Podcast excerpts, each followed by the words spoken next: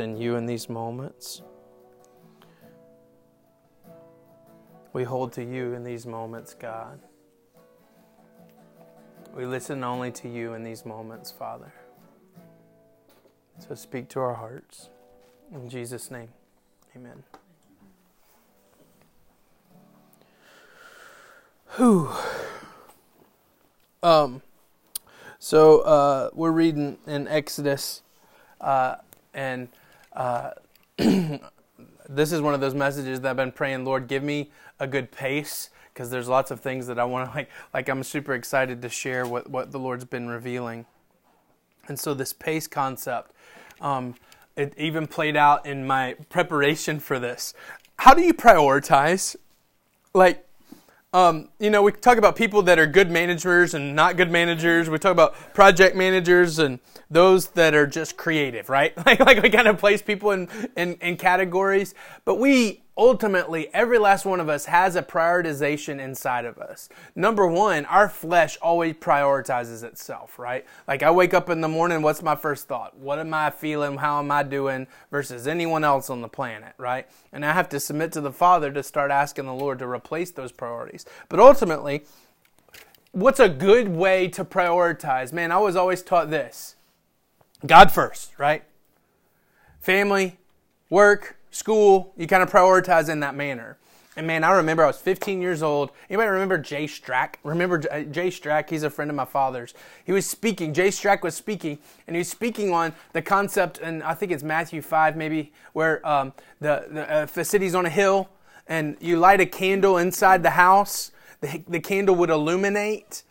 And, and there's this concept of prioritizing a candle inside the house is is good but we prioritize the rooms. Like let's say we only have three candles but five rooms. Three candles in five rooms. Okay so where are we going to put the candles is how we think right? So first place we need to put the candle is the time the place that we spend the most energy right? And then second place man probably we need to illuminate the kitchen right? And like third place maybe then the bedroom right? Like this concept of how do we disseminate the light but this other concept that we know now of electricity hits the house and goes, I could, Clayton could speak to it better than I could, comes into some type of condenser, right? Because we can't handle the full power coming through. And ultimately, that disseminates all the way through the house. So, new way to look at prioritization is this not God, family, church, but God. God in my family, God in my church, God in my work, because He, he illuminates every aspect of life. We can no longer section out parts of the house, right? There is one consistent energy source coming into the house that illuminates everything. And so when we look at prioritization, in fact, the way that we prioritize does not work, right? If you were to talk about how all the different jobs that everyone has in the room, all the different things that we do, what are you going to do tomorrow? You could start listing different tasks and stuff. Prioritization is not the task. Prioritization is I'm going to get up and put my effort forth. That's the first priority inside of a work concept. Okay? Task oriented things segment so much of what work is. It's healthy to have a to do list, it's healthy to do some of those things. But watch, if I get caught up in the to do list versus the overarching work that I'm supposed to accomplish, I no longer interact with the mission. Makes sense? I'm going to just go on the assembly line. What, what I love watching all sorts of weird stuff. Like I could watch hours and hours of someone making pottery, right? I watched a five minute video yesterday of three dudes somewhere in South America trying to make the world's largest pottery, and they're literally holding each other out trying to press down this pottery that's like coming up, right? Like I could watch that. I, candy making. I don't. I, maybe I love candy. like I could watch someone making taffy. You know what I'm talking about? The thing like it's like so. Uh, I could just sit there and watch it. But there's this concept of if I get caught in just the little one thing that I'm supposed to do on the assembly line, I don't care. I'm just punching a clock. And sometimes in our walk with the Lord, we can illuminate an assumption. And what I mean by that is, I assume that God's in everything. But until I start prioritizing God in everything. It doesn't change anything. So watch. My priority to, is God, then after him everything else. Matthew 6:33 says this. Thanks for Philip. Philip put stuff on the screen. We got stuff on the screen. You can look on the screen, right? Soon my ugly face will be there. No, I'm just kidding. We're not going to do iMac. Um, yeah, yeah, yeah, yeah, yeah. what? But seek first the kingdom of God and his righteousness, and all these things will be added to you. Focus on nothing else, but watch. We sometimes wrap those into one thing, and it's two the kingdom of God and his righteousness. Do you see? There's two things in that statement, not one. So seek first God is not what the scripture is saying. The scripture is saying, seek first the kingdom of God, something that I know nothing about, and his righteousness. I only know the negative aspect of his righteousness. I don't got it. Right? Amen. You see the difference? So watch. Matthew 6:33 is prioritizing life in this way. Seek him, his kingdom, him, and the way he does life, his righteousness. Two things seek him and his lifestyle. What, what kind of different prioritization takes place when I pray those things? Lord, I just want you, and I want you to tell me how to live life. Flips everything upside down. Hey, think about it. I'm no longer, the buck doesn't stop with me in that context, right? If life gets sideways and I'm walking in that, what are you doing? Yours. Like, uh, you're screwing this up. I say this all the time to people. Man, if our church fails, it's not our church. So the Lord has a different plan. There's no failing happen there, right? Like God's already doing cra- crazy things through it. But watch, I don't own anything in that context. If I seek first His, His, His, I don't own anything after that. Exodus 33. Verse 1 says this. We're going to be in Exodus, so if you want to flip there, you can. Exodus 33, verse 1. The Lord said to Moses, Depart. The Lord, this is the Lord speaking. Holy Spirit, give us clarity on what you're doing. Depart, go up from here, you and the people whom you've brought up out of the land of Egypt. Look, God's assigning ownership to Moses, and Moses is like, hold up, this is a different kind of tone from the Lord. To the land which I swore to Abraham, Isaac, and Jacob, saying, To you, or to your offspring, I will give it. And then God says this I will send an angel before you, and I will drive out the Canaanites, Amorites, the Hittites, Perizzites, and the Hivites, and the Jebusites.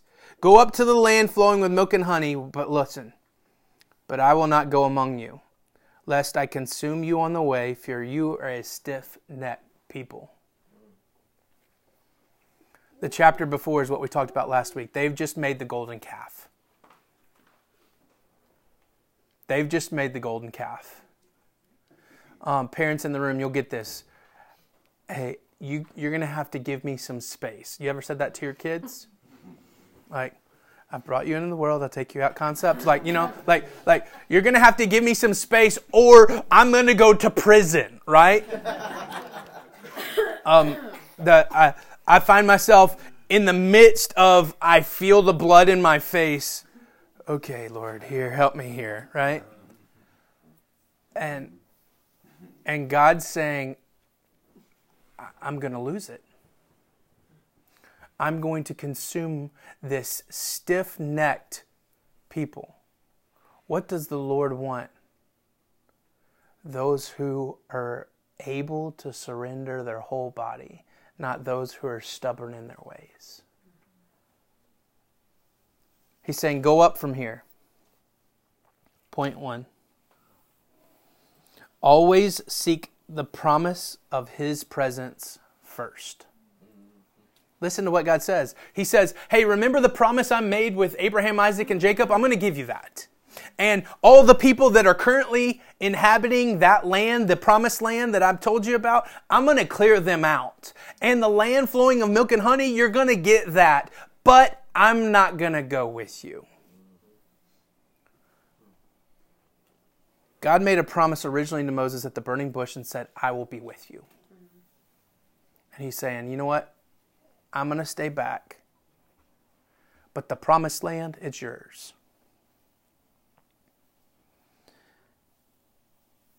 The reason why God's still coming through, he, he made the promise, but they settled for the golden calf, and he's basically saying, keep making golden calves if you want. I'll give you the land. And ultimately, God's really asking Moses, Do you want the real thing? Seeking God first means this hearing his voice, not my voice, reading his word, not someone else, stillness before him, not busyness for him. Amen. Amen. Think about it this way. This was a, an illumination for me this past week, the revelation of God in my spirit. The land flowing with milk and honey it's evidence of favor. It's not the source. It's not the land of cows and bees. It's not the land of cows and bees. It's the evidence of the promise. It's not the source of the promise. Hey, do you want to go eat milk and honey the rest of your life? We'd all go, no. But the goodness of God's promise is flowing with milk and honey. Means there's bees and there's cows there, right? What's God doing in the promise? Even in the promise of land and milk and honey, He's saying, You want the source or you want the evidence? So many times when we deal with things that man uh, that's what the spirit was doing earlier. I was trying to figure out why the lord wanted me to pray over unforgiveness earlier right? Like why do we pray? So many times we deal with the the the evidence of things. Oh man she's ugly with me. I'm ugly with her. I don't like her. Oh well let's just avoid them. Oh well maybe there's an assumption and and all of a sudden these lies get instead of getting to the root of what the source is what's the source? The root of the source is unforgiveness. I need to forgive them because they said that stupid thing about me looking fat right? Or whatever it is, right? Like, they, I need to forgive them. Uh, yeah. I'm sorry, buddy. I wasn't talking about you. Um, the source, the source is the point. Do you want the light bulb or do you want the electricity? If the switch to the bulb is turned off or the electricity is turned off, which is the bigger problem?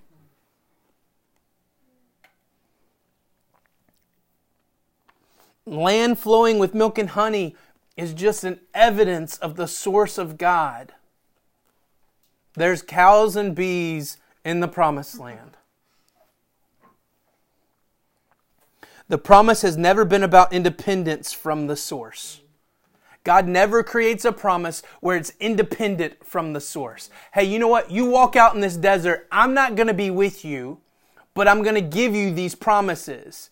And none of us would say, let's do that, right? The benefits of the promise are nothing like the benefits of the presence. Ooh, After a couple of weeks of milk and honey, I'm going to be pissed. I'm not going to be okay with that. I'm going to want the source. I'm going to need to eat the cow, right? right? Watch after a couple of steps away from the Father, I always, always feel this void in my heart. I take a few steps away from the Father, and it's like there's this Captain Crunch cereal for dinner concept. I've just eaten this stuff that does not satisfy, and my metabolism's burned it up like that, and I've not gone anywhere. I've just taken steps in my own efforts versus sitting down and feasting from the source. I always say this when you think of the context of what's going on with Moses and and um, and God in this moment. Um, if Anne ever left me, I'm going with her, right? Like like not possible. It's not gonna happen, right? Right? Like I'm gonna be the creepy guy in her life the rest of her life, right? Willfully or unwillfully, right? Right? Right? Think about this. this is this illustration doesn't play out fully, but God's saying, "Hey, we need to break up," and Moses is going, "I want to get married."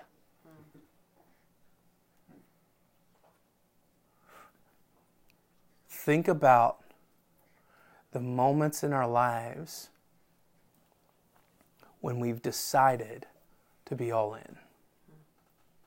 They're always in moments of wondering do I want the promise or the presence? I married Anne. I wanted her. And I currently want her. But I didn't just sign up to get married. Marriage is just a ceremony that obviously is holy and set apart, but that's just an evidence of the source of our covenant with one another. If marriage wasn't a thing, I would still choose her. Watch, if the promised land doesn't exist, I'm still choosing the source. Well, how did they end up in Egypt? Because Joseph sought the source all the way through. If the promise wasn't even there, are we still seeking his presence? Do you seek his face or his hand? And by hand, I mean hand out. Point two. When we choose his presence over other things, we discover new depths of the God of God. New depths of the Father. Listen to this. he says, I'm going to go up for me. I'm not going to be with you. Uh, I, I'm going to clear everything out. You can still have the promised land, just not with me. And then Moses in verse 12 says this Moses said to the Lord, You say to me, Bring up these people, but you have not let me know whom you will send with me. Yet you have said, I know you by name. And you have also found favor in my sight. Now, therefore, if I find favor in your sight, please show me now your ways that I may know in order to find favor in your sight. Consider too that this nation is your people. And God said to him, and he said, My presence will go with you, and I will give you rest.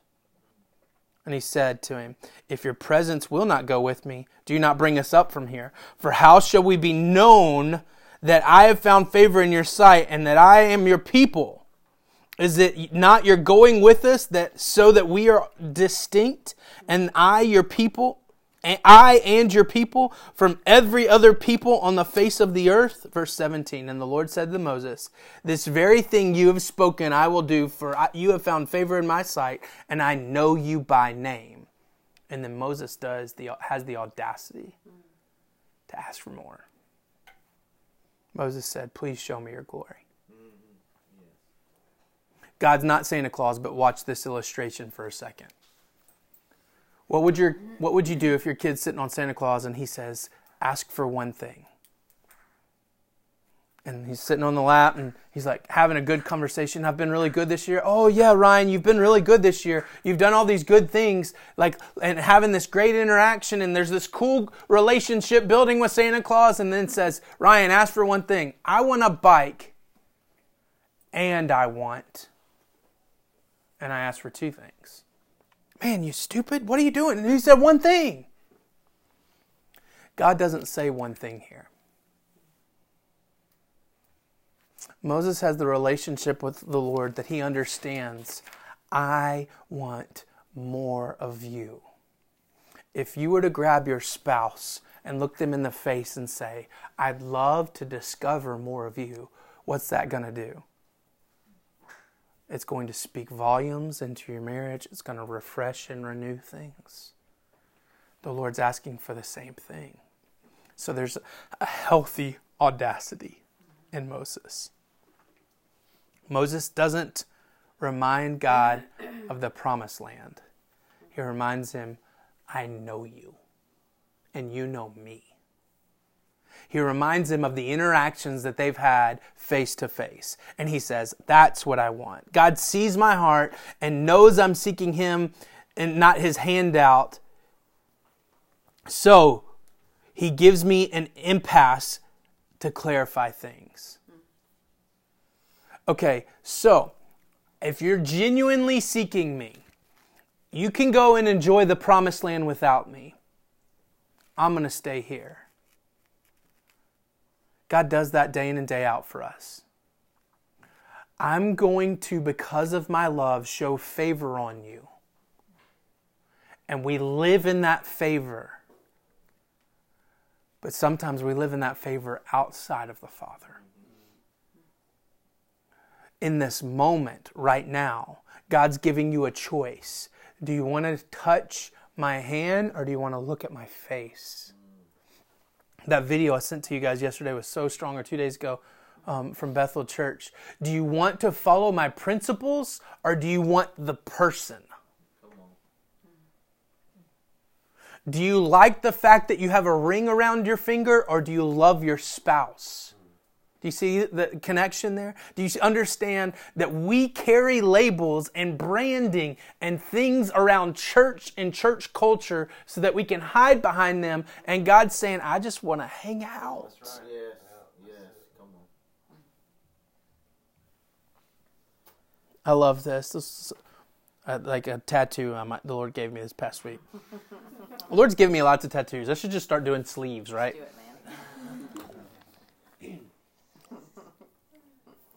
God gives us opportunities to take a fork in the road and turn it into a stake in the ground. Every fork in the road in my life always has been a stake in the ground with hindsight. When I look back and see that God's laying two things out and I'm going, which way am I going to go? And I'm so worried, so scared of what the future holds. Lord, I just want to do what you want to do. I always press into his presence and ultimately put a stake in the ground. Y'all, we're coming up on it. In the middle of April last year, there's this impasse of what am I going to do, God? Like, uh, just the emotions of, Lord, this is scary. I'm not okay with this. Which way is up? Which way is down? I don't know. And forever, for the rest of my life, I will look back at a stake in the ground that God did something. That, y'all, it sounds crazy. Underneath the stage at High Point is holy ground because of the impasse that I've had with the Father late on a Friday night face down, asking the Lord, What's next? What do I do? What do I do, God? There's a street in Poplar States that I'm driving down. I pull over to the side of the road to talk to the Lord. It's holy ground because there's a stake in the ground. Whereas there was an impasse of God, do I want to go this way? Do I want to go this way? And the Lord's saying, hey, my favor's here, but my presence is here. What is it for you? God takes opportunities that have forks in the road and gives us the opportunity to make it a stake in the ground. Moses, you can go on without me. God, I'm not going anywhere without you. In fact, I want more.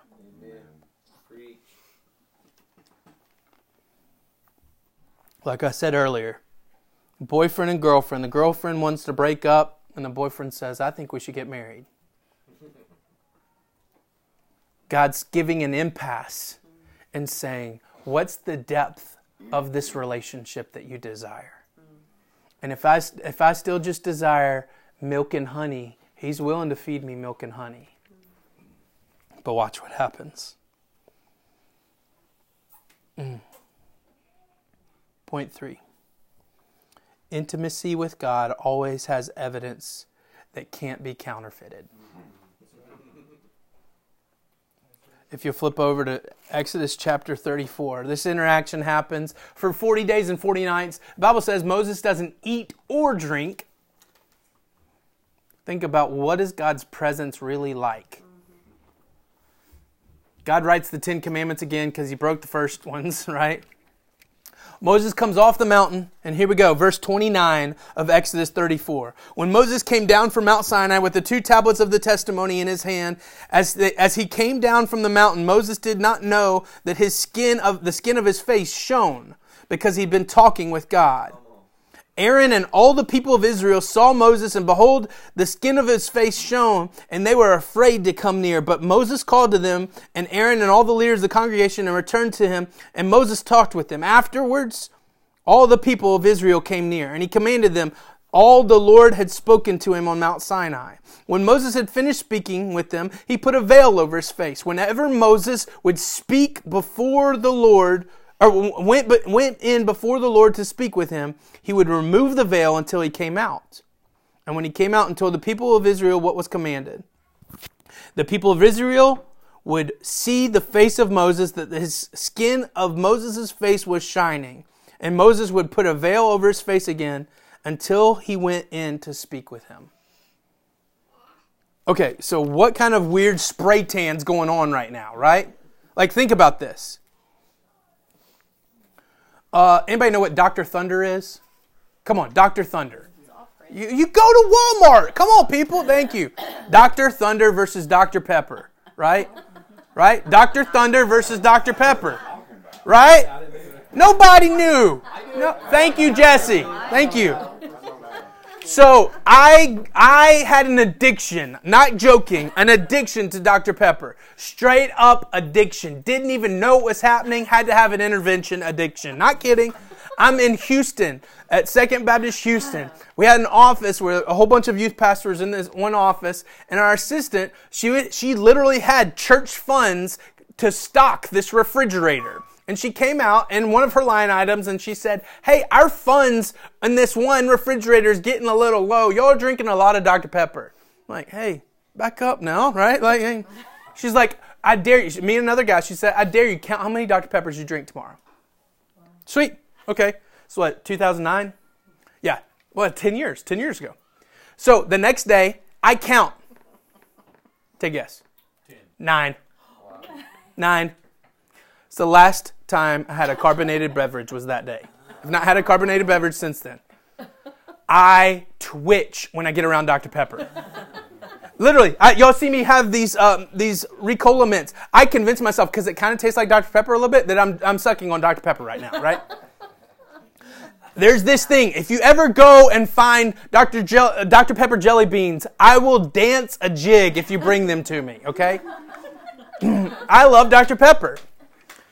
I remember we were um, at camp and someone made a poor decision. Let's save the 39 cents difference between Dr. Thunder and Dr. Pepper and bought a whole bunch of Dr. Thunder instead of Dr. Pepper. And I was not the pastor in the moment, right? Lost my mind. What are you doing buying this cheap junk? Like, what's going on? Because ain't nothing like the real thing. Listen to me. The physical change that happens when we're in the presence of the Father has a high and an addiction that I can't get out of my system. And when I have this counterfeit thing presented to me that seems like it's close, and I'm not, hey, uh, I, I, sometimes people think pastors are talking to them. No, that's the Holy Spirit talking to you, not pastor talking to you. A, a meme, an inspirational thought are all good things, but I want to hear the Father's voice. You with me? The Ten Commandments are just on stone. Nobody else's face shone because they saw the Ten Commandments. Mm-hmm. Moses' face glowed because he'd been with the real thing. Watch this. I used to do this with students. I'd be in a lot larger room with a whole bunch of students, and I'd have two apples and put a $20 bill in front of the two apples and all right, because it's all the all the kids who sat on the back row in youth youth ministry, right? Like sat on the back row in youth ministry, right? it was I was always pick somebody on the back row and say, "Hey, one of these is plastic, one of these is real. If you can tell me from the back which one's plastic or real, you get the twenty bucks." Until we bite in, even the people in the front row sometimes couldn't tell what was plastic, what was real. Until we bite in and are refreshed by the fruit of the Father, we don't know. So watch That's what the Spirit says to test the things of the Lord. But I know what works for me a model where I get still before the Lord and listen is what works for me. Scripture, I can say, says that on a consistent basis. Moses had to climb and put effort up to get to the top of the mountain. Watch this. Moses didn't have makeup or spray tan. And the fact that this is real is proven by his humility. Watch his humility. Only God could cause his face to glow, but his face to glow wasn't the point. It was just evidence of a relationship with the Father. There's a real fine line there. I want you to experience the evidence of me being with the Father. But I don't want you to go and try to make your face glow. You see the difference? God does things we should never be ashamed of. But watch, Moses isn't hiding his face in shame. When does he take the veil off? When he's with the Father. Last night, we were watching the Tigers basketball. Anybody like hardcore Tiger basketball fan? If I were to say Waukee Williams to you, do you know who I'm talking about? Yeah. Uh, uh, y'all, I'm a pastor. I'm a pastor, and I shouldn't say this, but when I was when Waukee Williams was on the team, I I, I might have done bad things to him. I couldn't stand him. Like like like catch the stinking ball. You're out of place. And I was watching the game last night, and um, Isaiah Maurice, I'm like, it's the new Waukee Williams. Oh my goodness. What? Isaiah, you're out of position. What are you doing? Like, all this stuff. And I sent a text message to a buddy of mine that I hadn't talked to in probably a year and a half. Like, Isaiah Maurice is the new Waukee Williams. It's an inside joke. Because he knew that if Waukee Williams ever showed up in my presence, he was going to have to hold me back, right? Watch. Let me ask you this do you have an inside joke with the Father? Do you have an intimate thing that you share with the Father? I was telling David yesterday, and please understand, there's, there's a fine line with sharing the intimate details with the Father with others, okay? I interact with the Father in specific ways. Watch, and I don't mean, I'm not being crass here. You interact with my marriage, you, you benefit from our marriage, but man, nobody really gets to go up into the bedroom, right? There's an intimate place for our marriage. I have to hold that value true, and we need to guard intimate things. Not that we're not being transparent. Yesterday, I was telling David, I'm, Sade, it's your birthday. You know, I'm doing that thing.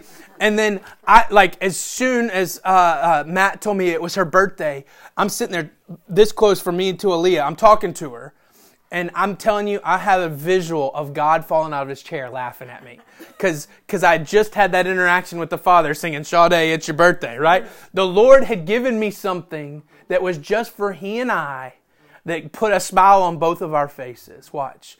Moses takes his veil off when it's just he and the Lord. Why? Because there is this unhindered concept that even though this interaction is taking place and it's having a physical evidence of it, I want to share this just with you. Oh, family, please understand. When we have intimate interactions with the Father, inside jokes with the Father, unveiled places with the Father, the depth of the relationship is so healthy. God does things for us, just for us. But Moses takes his veil off just for us. We do things back to the Father just for us. Uh, I was talking with Matt, and uh, hopefully you guys will meet Matt. Matt's basically the contact for this family, and and Matt sees his role in the body of Christ as being uplifting and motivating. And that's very much who Matt White is. Okay? So he's documenting almost everything that we're doing. I pulled him aside yesterday and said, hey man, I genuinely believe that some of these interactions that we're having need to be just with us and the family. Nobody else needs to see it.